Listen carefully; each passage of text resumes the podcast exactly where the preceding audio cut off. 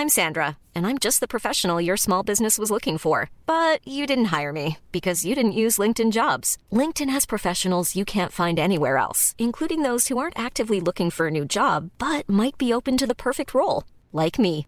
In a given month, over 70% of LinkedIn users don't visit other leading job sites. So if you're not looking on LinkedIn, you'll miss out on great candidates like Sandra. Start hiring professionals like a professional. Post your free job on linkedin.com/people today. Millions of people have lost weight with personalized plans from Noom, like Evan, who can't stand salads and still lost 50 pounds. Salads, generally, for most people, are the easy button, right? For me, that wasn't an option. I never really was a salad guy. That's just not who I am. But Noom worked for me. Get your personalized plan today at Noom.com. Real Noom user compensated to provide their story. In four weeks, the typical Noom user can expect to lose one to two pounds per week. Individual results may vary.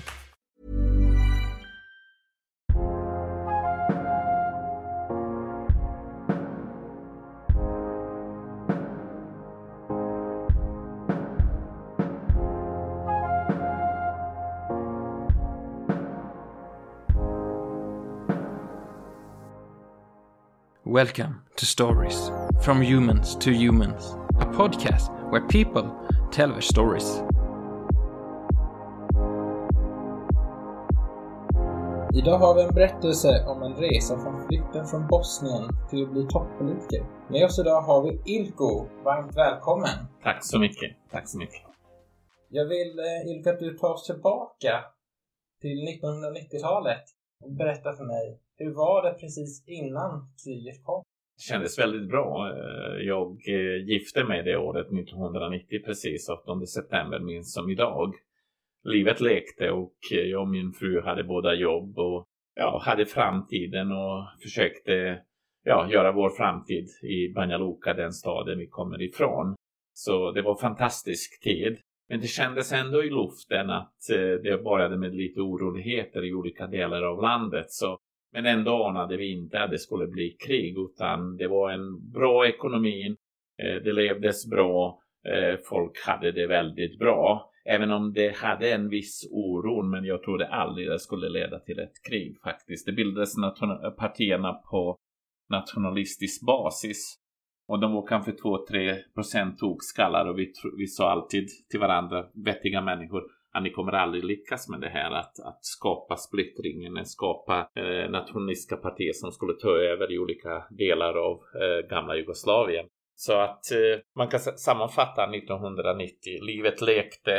Eh, jag gifte mig med min fru Valentina och eh, vi hade ja, vi, vi trodde att vi hade en ljus framtid i Banja Luka och i gamla Jugoslavien då. Det måste komma som en chock då är plötsligt när det faktiskt bröt ut ordentligt ett krig. Ja, men det är klart att eh, det, det, smöt sig in, eh, det, det smög sig in på. Det, det var inte så att det hände över en dag.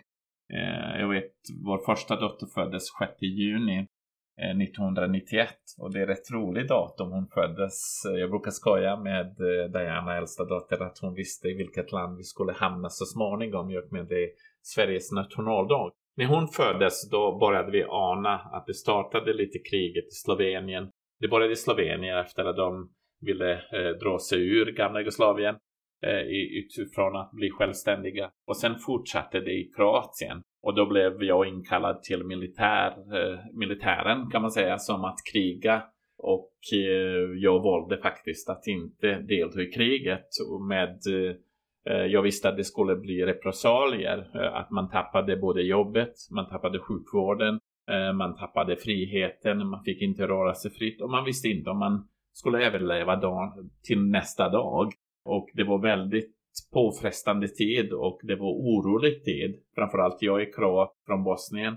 Banja Luka är serbisk dominerad befolkning och det är i princip de som har eh, krigat kan man säga ifrån Banja Luka mot andra städer och vi valde klart och tydligt att inte kriga och det insåg vi ganska snabbt att livet eh, kommer inte gå åt, åt rätt håll. Och då sökte vi oss för att försöka ta oss ur. Och den 16 december 92 lyckades vi ta oss ur landet via Serbien faktiskt, konstigt nog. Eh, sen via Ungern, gamla Tjeckoslovakien, Polen. Swinoujscie väntade vi och tog första båten till Sverige och eh, visste att vi skulle söka asyl för att kunna stanna. Däremot visste vi inte eh, om vi skulle få stanna, men för stunden kändes bra att komma ur. Rent sagt, det var ett, en, en kokande gryta. Och eh, min mamma och eh, min äldsta bror, äldste bror var kvar och tänkte gå och rädda er så vi ska försöka stå ut med allt och försöka överleva så att när ni kommer tillbaka att huset finns intakt så att man kan bo någonstans. Men tyvärr, Eh, den strategin eh, visade sig inte riktigt, ja, det höll i och med att mamma, min mamma och min storebror också blev, har blivit fördrivna ifrån vårt hem. 15 augusti 95 kom eh, militären och sa antingen dör du på här framför eller lämnar du. Och sen transporterades de till Kroatien i och med att vi är kroater som nationalitet. Och eh, tack och lov har vi sökt asyl för familjeåteranknytning så att de hade asyl när de kom till Kroatien och tog sig till Sverige. Och jag kan säga att den tiden var rätt jobbig när man inte visste långa stunder om min mamma och min bror, min äldsta bror, min lillebror kom samtidigt som jag till Sverige. Han var bara 18 år gammal. Och eh, efter det började man leva igen. Man levde i en skräck att man skulle få tråkiga nyheter. Många civila som inte tillhörde rätt folkgrupp inom citationstecken dog faktiskt eh, under kriget. Visste man att de hade lite pengar. De försvann bara under en natt och eh, det var, det var väldigt jobbig tid. Eh, vi kom till Sverige eh, 18 december 92 hamnade på Lundegårds camping stuga 110. Det minns jag som idag. Eh, mycket snö. Vi vaknade på bron när vi tog oss ifrån Ystad efter två, tre nätter i Ystad. Och sen såg vi att gud, vi är på en jättelång bru. Och eh, efter det kom vi till Lundegårds camping. Eh, där har vi tillbringat första 14 månader. Och eh, då hann man bli rädd också när man såg krigsområdet. Vi såg krigsområde utifrån om man säger så. Vi var inte så ja, man skulle varit egentligen mer rädd när vi var där inne i kokande grytan. Men när man kom och såg med ögonen utifrån, då såg vi att det var eh, ännu farligare faktiskt och att människans liv var inte värt mycket. Eh, den tiden på Lundegård började jag läsa ganska tidigt svenska. Efter en vecka köpte jag Expressen, började läsa sportsidor och hade eh, lexikon i, i bakfickan hela tiden, en liten mini-lexikon Eh, och insåg ganska snabbt att vill man stanna i ett nytt land eh, jag insåg snabbt att det finns inga vägar tillbaka och min fru och jag började läsa tidigt och det var en framgångsrik recept faktiskt för att komma in i samhället. Språket var E och, och O eh, för att komma in i ett nytt samhälle. Spelade mycket fotboll på den tiden när vi var i Lundegård. Det var 4-5 timmar om dagen. Och det var ett sätt att skilja tankarna och försöka tänka på något annat och inte bekymra sig över hur det går i, i vårt hemland. Eh, och eh, eh under tiden på Lundegård fick vi vår flicka nummer två, Mattias, som idag är planarkitekt och bor i Göteborg. Äldsta flickan bor i Kalmar och är modedesigntekniker. Så de har valt också att läsa vidare efter gymnasiet, vilket oss föräldrar gör oerhört stolta och glada. De har eh, satsat på utbildningen naturligtvis. Sen är lite under tiden på Lundegård skaffade man första vänner. Och det var nästa bra beslut kan man säga. Första var att lära sig språket, det är OK för att komma in i svenska samhället. Och den andra var att när vi skulle välja platsen där vi skulle bo efter uppehållstillstånd, permanent uppehållstillstånd. Och då valde vi ett litet samhälle, Borgholm. Och det har vi inte ångrat någon gång. Eh, det är väldigt viktigt för en invandrare att kunna visa vad man går för. Eh, det är mycket lättare att komma in i samhället och jag tror att det var viktigt att välja ett, en liten kommun, en liten ort för att kunna komma in snabbare och visa att man duger som man är eller visa vad man går för. Den tiden var eh, de första åren. Eh, först läste jag svenska för invandrare på komvux i Borgholm. En fantastisk upplevelse och efter några veckor blev jag färdig med uppehållstillstånd eller med eh, svenska för invandrare. Sen eh, blev jag inkastad och läsa på komvux eh, mitten på 1990-talet. Det var väldigt lågkonjunktur. Det var lågkonjunktur, hög arbetslöshet Och då tänkte jag, nu ska jag satsa på utbildningen. Eh, bara läsa svenska och engelska från scratch kan man säga. I och med att jag aldrig läste engelska innan jag kom till Sverige. Utan man är som ett litet barn som kunde gå när man inte kunde de språken. Tyska har jag läst i min ungdom och under skolgången, men den har inte jag använt. Så det var värdelöst egentligen för att kunna kommunicera. Eh, sen eh, snabbt insåg jag att skolan är något jag vill satsa på. Mina drömmar om universitetsutbildning, det gick, eh, det gick eh, vad ska man säga, eh, det försvann när min pappa dog. Jag var bara 17 år gammal, färdig med andra året på gymnasiet och hade jättestora planer att utbilda mig på universitet. Och när pappa dog, eh, då dog mina drömmar också i och med att jag insåg att vi kommer inte ha ekonomin. Eh, morsan var hemmafru eh, och pappa eh, efterlevande pension var väldigt liten. Så det var bara att göra färdigt gymnasiet ta jobbet inom industri. Jag jobbade precis framför eh, i närheten av vårt hus om man säger så i, i metall, gummi, det är gummi, gummi och metallindustrin. Eh, tog jobbet och hjälpte morsan för att kunna försörja oss. Eh, sen plötsligt eh, eh, när jag började läsa på komvux eh, från scratch, då tänkte jag då kan jag läsa matematik och alla andra ämnen när jag ändå ska läsa svenska kanske i två år för att göra mig behörig till högskoleutbildning. Så jag läste hela gymnasiet på drygt två, eller på Eh, fyra terminer läste jag hela gymnasiet och eh, eh kom in på högskolan 1997. Efter fyra och ett halvt år i Sverige kom jag in på högskola eh, civilekonom läste jag till företagsekonomi. Inriktningen ekonomistyrning och redovisning. Blev färdig, eh, tog kandidatexamen år 2000. År 2003 eh, tog jag exam, magisterexamen samtidigt som jag jobbade på Skatteverket. Sökte jobbet eh Eh, jag fick jobb på tredje ansökan. Första ansökan var på en av bankerna i Barholm. Eh, sen var en redovisningsbyrå och sen tredje var på Skatteverket anställdes också i september 2000. Och det har jag jobbat i 14 år, heltid. Eh, varit chef under 10 år på olika sektioner inom skattekontoret här i Kalmar. Eh, och året innan valet, 2013, valde jag att kliva av chefskapet på att satsa på politiken mer. Och blev eh, första namn redan 2010 för Socialdemokraterna. Själv kom jag in i politiken 2002.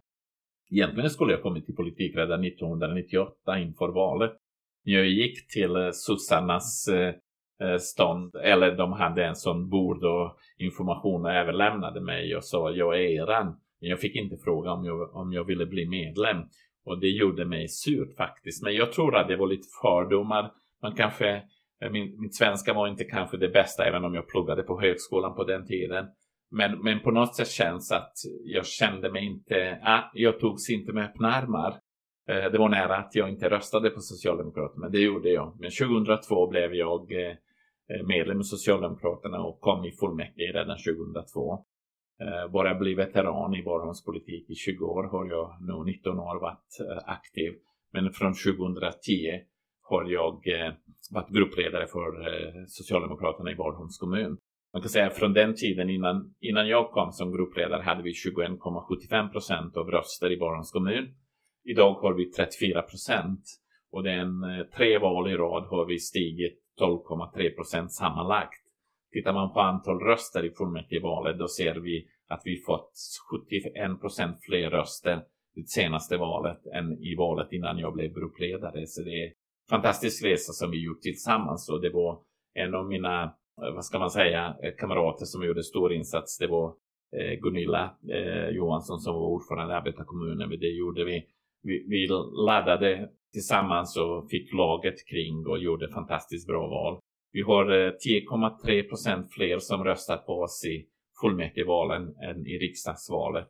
Och dessutom har vi två lokala partier som får cirka 15-16 procent av, av röster. Så det är fantastiskt. Sen gäller det också att öka även på regionnivå och riksnivån, Det är oerhört viktigt vilken politik vi har på, på de nivåerna också. När jag tittar på, på mitt liv tillbaka, om man säger så, vad var det som var viktigt eh, när det gäller eh, att lyckas i ett nytt samhälle? det är klart, jag brukar säga alltid man ska sikta mot stjärnorna men man ska inte vara kräsen att ta alla de jobben som finns. Och den tiden jag, jag visste att jag ville nå en eh, universitetsutbildning och, och bli något större om man säger så. Men samtidigt också under tiden tog jag alla jobb som fanns i, i kommunen. Jag diskade på Hotell Borgholm. Jag var längst, längst ner i hierarkin. Eh, jag städade toaletterna på Kapellodens camping. Jag klippte gräset, städade trappuppgångarna, plockade jordgubbar och hackade jordgubbar och allt annat. Och jag visste Eh, att ja, jag, jag, jag tar de här jobben och jag vill mer och jag siktade mot stjärnorna. Men som sagt, eh, man gjorde sin plikt och det var lättare att kräva sin rätt också. Eh, sen med utbildningen på Skatteverket har varit en skola för livet för mig. Jag måste säga att det jag lärt mig på Skatteverket, både inom de utbildningarna i själva beskattningsrätt, men inte minst när det gäller ledarskapsutbildningar, hur vi tar hand om människorna, att man, att man försöker hjälpa människorna, ha det här eh, empati och, och vara lyhörd och ett bra ledarskap har jag lärt mig på Skatteverket och det är jag oerhört tacksam. Men som sagt, det är oerhört viktigt att språket var A och att vi började läsa tidigt, det var, det var jätteviktigt. Så min dörröppnare i svenska samhället var fotbollen faktiskt. Jag spelade, jag brukar skoja att jag spelade inte i Sveriges bästa lag, men jag spelade i Sveriges sämsta lag som Byxekroks AIK var på 70-talet, men det var innan min tid i Sverige. Eh, där skaffade jag mina första vänner, kompisar, man jobbade som ett lag. Eh, man umgicks lite efter eh, matcherna och träningarna och annat och det var ett sätt att komma in i samhället och jag har haft stort glädje att jag har haft fotbollen eh, i Sverige. Man brukar säga att fotbollens eller idrottens språk talas av alla. Så det var oerhört viktigt, eh, viktig del. Eh, samtidigt också att välja en eh, bosättningsort eller en kommun där man bor, att vi valde en liten stad, att vi inte drogs till stora kommuner, stora städer och där landsmännen bor.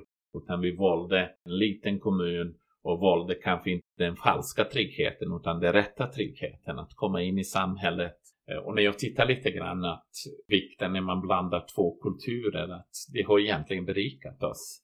Att vi har haft en kultur från vårt hemland och sen har vi anammat svensk kultur. Men man har på något sätt känns att vi har plockat eh, det bästa utav två världar, även om det inte skiljer kanske alla gånger så mycket. Eh, och sen är jag oerhört tacksamt, eh, tacksam på alla, män, alla människor som har funnits på vägen. Jag menar oberoende om det var på jobbet eller var det i skolan eller på komvux eller var det på fotbollsplanen. Jag har alltid känt mig, eller vi har alltid känt oss välkomna. Vi har Eh, känt eh, att, att eh, ja, man har stöttat oss, man har sett tillgång till oss. Och jag brukar säga också att man ska ställa sig alltid en fråga Eh, ser du mig som tillgång eller ser du mig som problem? Och det kommer nästa fråga. Ja, hur mycket påverkar det din eller min resa? Det påverkar oerhört mycket. Och jag är oerhört tacksam för, för alla lärare jag haft på komvux, alla lärare på högskolan i Kalmar, på min arbetsplats, mina kamrater och inte minst i politiken och på fotbollsplanen. Jag har alltid känt, vi har alltid känt oss välkomna. Vi har idag eh, fyra döttrar, jag och min hustru Valentina och eh, fyra döttrar där man känner sig väldigt rik. Jag berättade om två äldsta och sen har vi två sladdisar tvillingdöttrar som snart fyller, om fem dagar fyller de faktiskt 15 år. Duktiga tjejer, går nionde klass och eh, ska välja en gymnasieutbildning, väldigt skolmedvetna, vill gärna skaffa bra utbildning och man undrar ibland var det kommer ifrån. Och eh, idrottstjejer också dessutom. Det är mycket basket. Tre dagar i veckan åker de till Kalmar och spelar basket. Och jag är oerhört glad. Mattia, flicka nummer två, är också en idrottstjej. Spelar fotboll, division 2, innebandy i näst högsta serie. Och sen har vi tvillingarna som är mycket basket. Och jag tror sportidrotten betyder mycket den får uppfostran och, och varje som politiker ser jag att varje investerad krona i idrott och, och i föreningslivet det är mång, mångdubbelt tillbaka. Och, och, jag är oerhört glad att de har valt den vägen och man utvecklas på helt annat sätt när man är en del, från början del av ett lag. Man, man kan titta på de olika framgångarna också. Men, men jag ser att våra barn, det, det, det är det bästa som, det är vårt bästa jag, jag är oerhört glad att det har gått bra för dem hittills och eh, vi, vi vet att de kommer fortsätta kämpa och, eh, Och det är kanske bra att man vet att man har kommit till Sverige med två kassar eller två väskor från ingenting idag, kommunalråd i Barholms kommun. Eh, jag, får, jag har fått flest röster, personröster procentuellt. Jag tror mest kryssade socialdemokratiska politiker på kommunnivå i Sverige. Och det, det är fantastiskt. Enormt eh, tacksamhet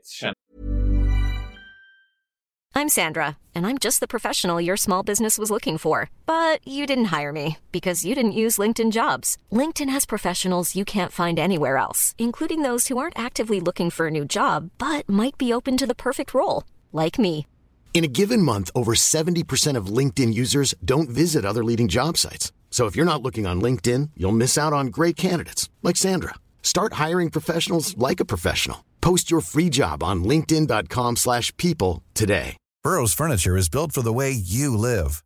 From ensuring easy assembly and disassembly to honoring highly requested new colors for their award-winning seating, they always have their customers in mind. Their modular seating is made out of durable materials to last and grow with you. And with Burrow, you always get fast, free shipping. Get up to 60% off during Burrow's Memorial Day sale at burrow.com slash ACAST. That's burrow.com slash ACAST.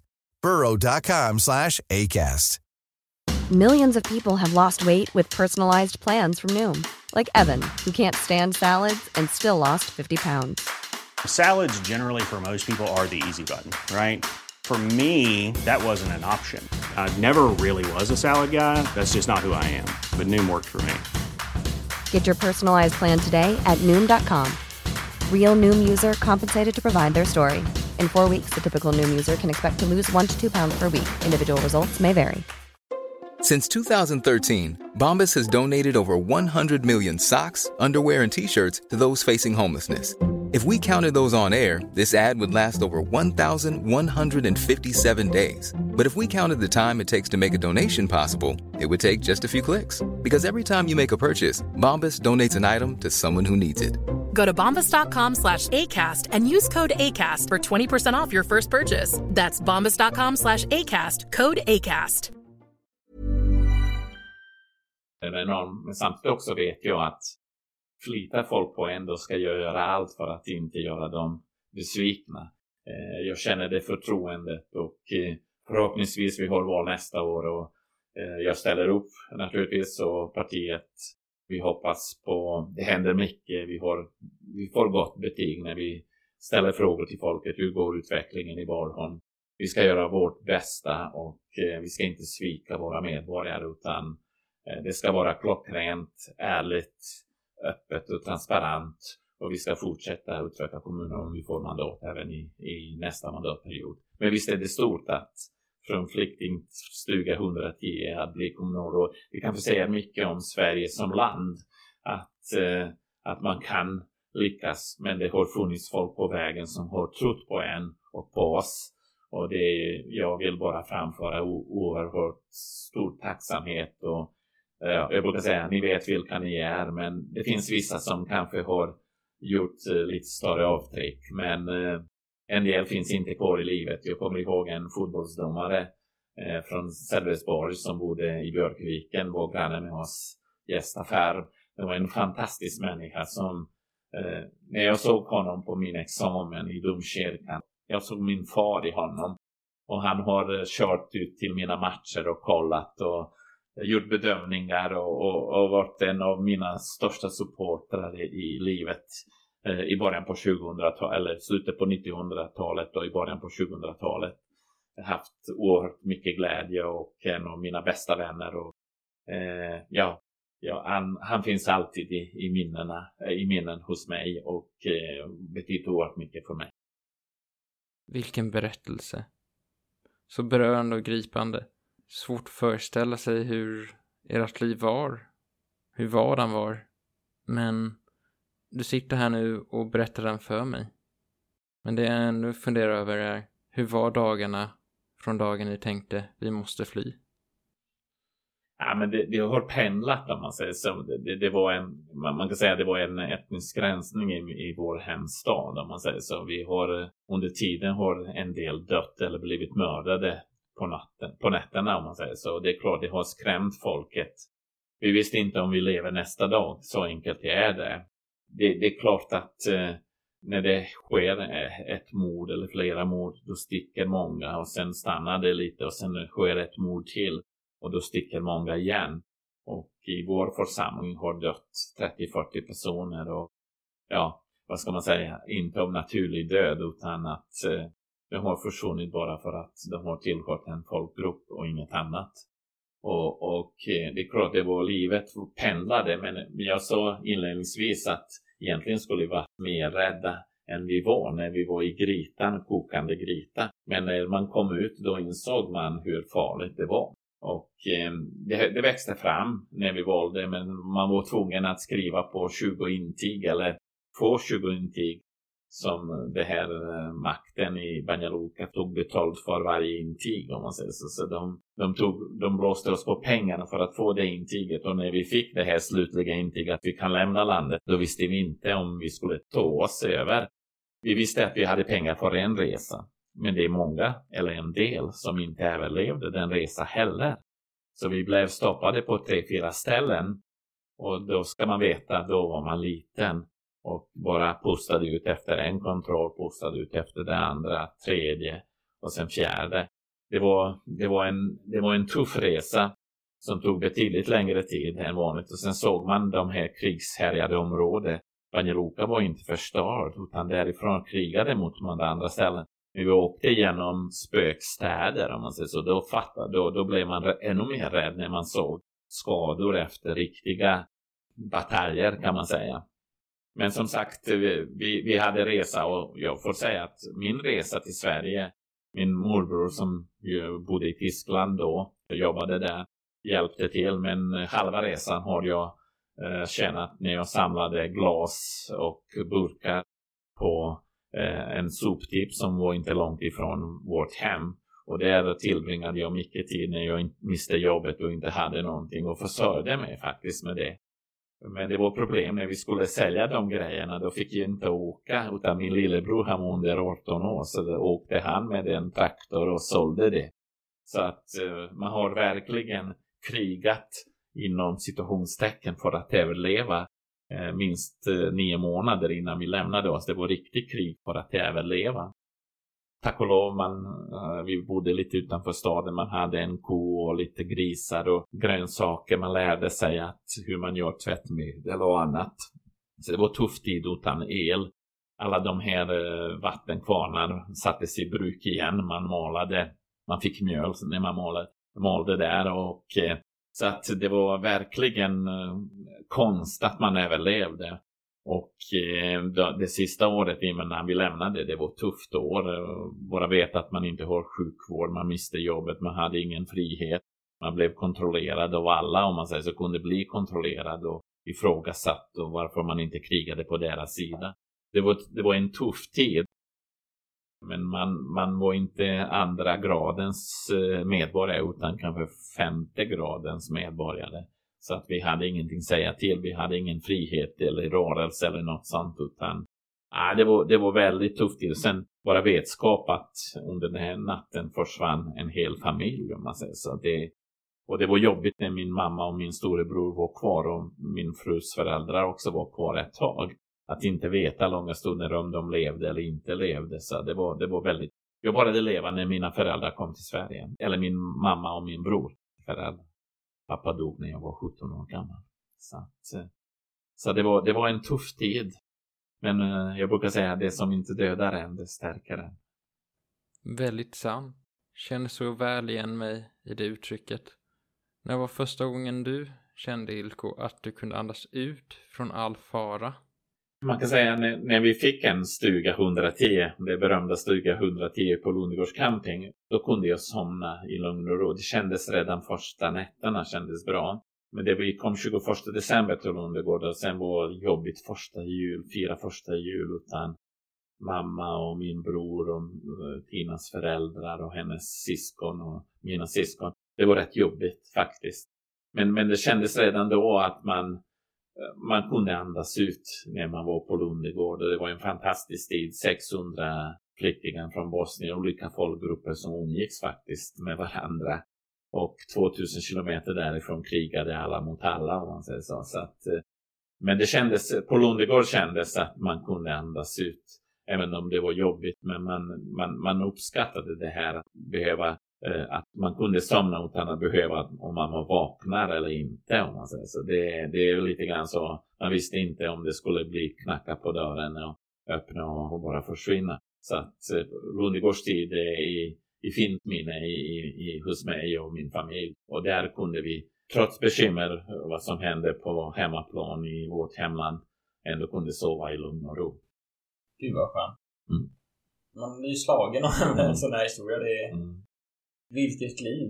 Ja, det är fantastiskt. Sen ska man aldrig vara nöjd, om man säger så. Man ska vara stolt, men inte nöjd. Man vill mer och... Eh, men sen nu är det våra barn som är nummer ett. Det ska gå bra för dem också. Två stora flickor har visat vägen för de småttingarna som jag är övertygad om kommer ta efter. Och eh, det är klart, man har alltid känt sig att eh, man fick inget gratis, men tack och lov.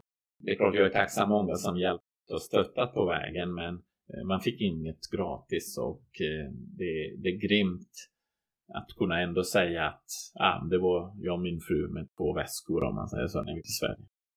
Vad tror du den här berättelsen har eh, gjort för dina barn? Man kan säga att det här betyder mycket. Den resa, ja, de har sett hur vi slitit och jobbat, jag och min fru. Och de har tagit efter. De stora flickorna hade första sommarjobb när de var 12 år. Tvillingarna jobbade redan förra året på en restaurang så att de har, det finns inpräntat att det är viktigt att göra rätt för sig och jobba och bidra från allra första början. Och det betyder mycket. Men jag tror också det betyder för många nyanlända. Vi såg också lite grann när 2015-2016 års krisen, flyktingkrisen, att många såg mig som förebild. Det kändes bra faktiskt att kunna säga att jag har gått en resa. Ni måste kämpa. Ni får gärna sikta mot stjärnorna, men ni får inte vara kräsna av de jobben som finns. Så jag tror att jag har varit även förebild och de kunskaperna om, om vår resa har bidragit till många av de nyanlända som man har hjälpt till. Eh, sen, sen är det lite grann också det gäller att kämpa och inte ge upp. Och jag fattar att många har inte samma förutsättningar beroende hur gammal man är när man kommer till ett nytt land. Och Eh, vad har man i, har man någon utbildning överhuvudtaget? Och det, det är skillnad på förutsättningarna. Men jag är oerhört glad att jag har valt eh, det partiet. Jag brukar säga att jag är produkt av socialdemokratisk politik. Att vi ska kämpa för att alla ska ha rätt att få en bra utbildning oberoende om föräldrarna är rika och förmögna eller inte. Det är oerhört viktigt och det, det är min... Och jag, jag försöker hela tiden leva som jag lär. Man. Eh, för mig är det oerhört viktigt att alla människor får det någorlunda bra. Att vi stöttar de människorna som, som finns, som har det tufft. Jag menar, stöttar vi dem nästa gång, livet är inte alltid på topp. Jag menar att man är här idag, det betyder inte att man är här imorgon. Och det är oerhört viktigt att vi, att vi har ett system, att vi stöttar människor har det tuffare nästa gång är deras tur att hjälpa oss. Och det är det här solidariska, det har burit mina värderingar utifrån det jag har fått erfara själv, vad det innebär att inte ha. Vad innebär det att inte få möjlighet att läsa vidare? Vad innebär det att inte få någon bra jobb? Även om man förtjänade, man var smartare än egna chefer på min arbetsplats. Men man har sett vad det innebär att alla inte får chans. Att man, har du inte kontakter, har du inte, då fick man ingenting. Utan man fick slita tre gånger så mycket. Men nu när man kommit till Sverige, man har sett vad det innebär det här att ge alla chans. Det finns en eh, affisch från Socialdemokraterna, vad står det? Begåvad med fattig, ge honom eller henne chans. Och det, det är på 50-talet. Men, men som sagt, eh, det är oerhört viktigt att vi bryr oss om våra medmänniskor att stötta de människorna som har tufft och få dem på putta upp dem så nästa gång är deras tur att hjälpa oss. Vilket fint sätt Ilko du har valt att använda din historia på.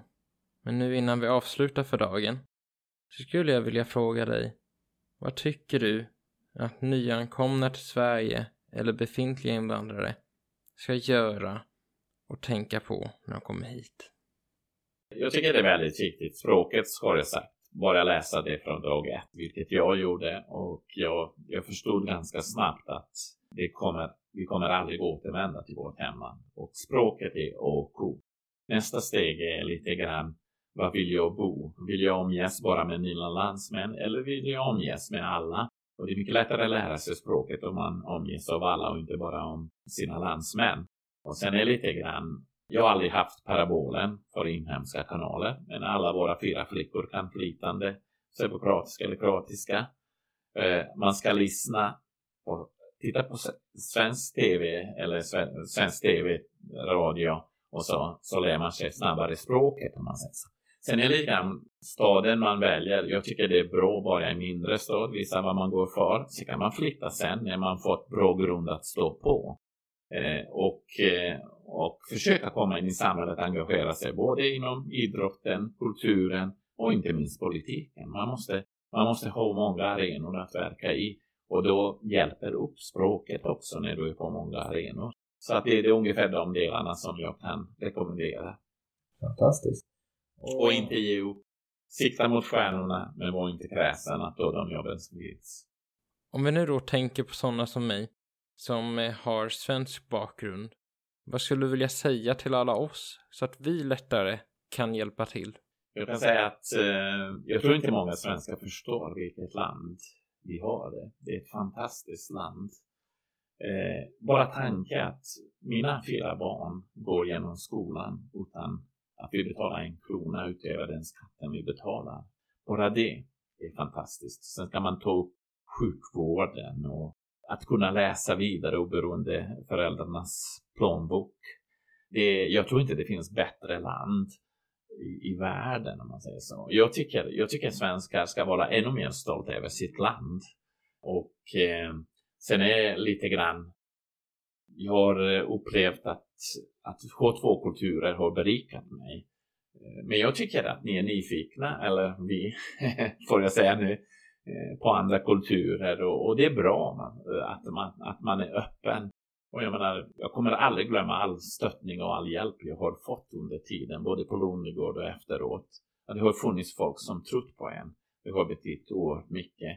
Och, eh, men sen är det lite grann att man kanske kan vara lite när man får allt, man ska inte få allt serverat heller, utan man får kämpa lite extra. I Sverige kanske lite mer serverat.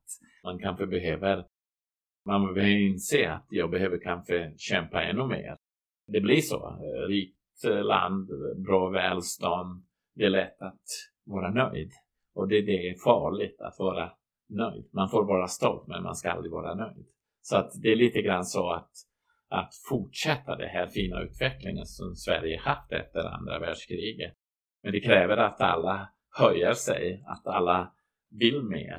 Och, och, och sen, sen är det lite grann, eh, jag, jag tror att det, det, är lite besvärligt men det är, vad ska man säga, när man pekar åt olika syndabockar och sådana saker. Jag säger inte att alla gör det, men, men eh, jag hoppas att vi tappar, eh, att vi tar bort den polariseringen och det är oerhört viktigt att det fungerar på de kanterna så att det inte blir polariseringen och att man inte pekar ut syndabockar för vissa saker och det har jag alltid känt, jag som kom som invandrare, jag vill visa jag jag säger som Zlatan, jag ska vara tio gånger bättre än om jag vore svensk från början. Det har, det har jag burit med mig att, inte att jag har känt att det är alltid så, men jag, jag vill att det ska vara så. Jag ska visa bankerna vad jag går för och jag ska inte svika. Det är samma sak att vara politiker, toppolitiker. Jag ska inte svika våra medborgare, våra väljare. Jag kan säga bara, jag, jag tror att jag är någon få kommunalråd. Jag tar aldrig reseersättning. På sju år som kommunalråd har jag plockat ut noll kronor i reseersättning. Noll kronor i representationskostnader. Och det tänker jag fortsätta. Jag vill vara rakryggad den dagen jag slutar. Att ingen, jag ska inte ens lämna utrymme. Jag har mitt arvode, det får jag, men resten ska, täcker jag själv. Jag är, inte, jag är inte bekymrad för det och jag vet att man inte blir rik på de sakerna om jag ska plocka på eh, resersättning eller representation. Jag tror det inte när jag har rätt om man säger så. Men det, av enkel anledning, jag ska ha egen fri. Väldigt hälsosam syn på livet, måste mm. jag säga att du har. Och väldigt mycket bra tips till mm. både invandrare och eh, svenskar från början. ge hjälpande hand när du kan om man säger så. Jag, det, det gäller mig också. Jag försöker stötta en människa. Bara ett litet hej växer man en meter. Man hoppade upp när någon hejade på oss i början av vår tid i Sverige. Så att eh, ibland är små gester, det är det som är roliga, det är det som är tjusning. Heja på en vilsen människa inom situationstecken, det betyder oerhört mycket.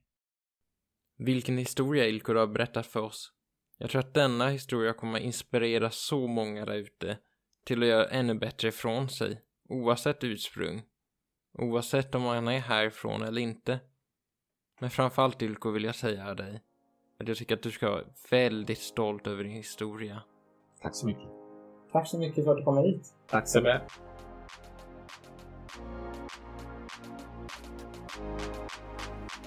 I nästa veckas avsnitt ska vi få höra en historia om att växa upp med en mamma med grova psykiska problem till psykiskt och sexuellt våld. Men idag har hon gått och blivit en eldsjäl på Stadsmissionen. Ha nu en toppen vecka så hörs vi nästa vecka.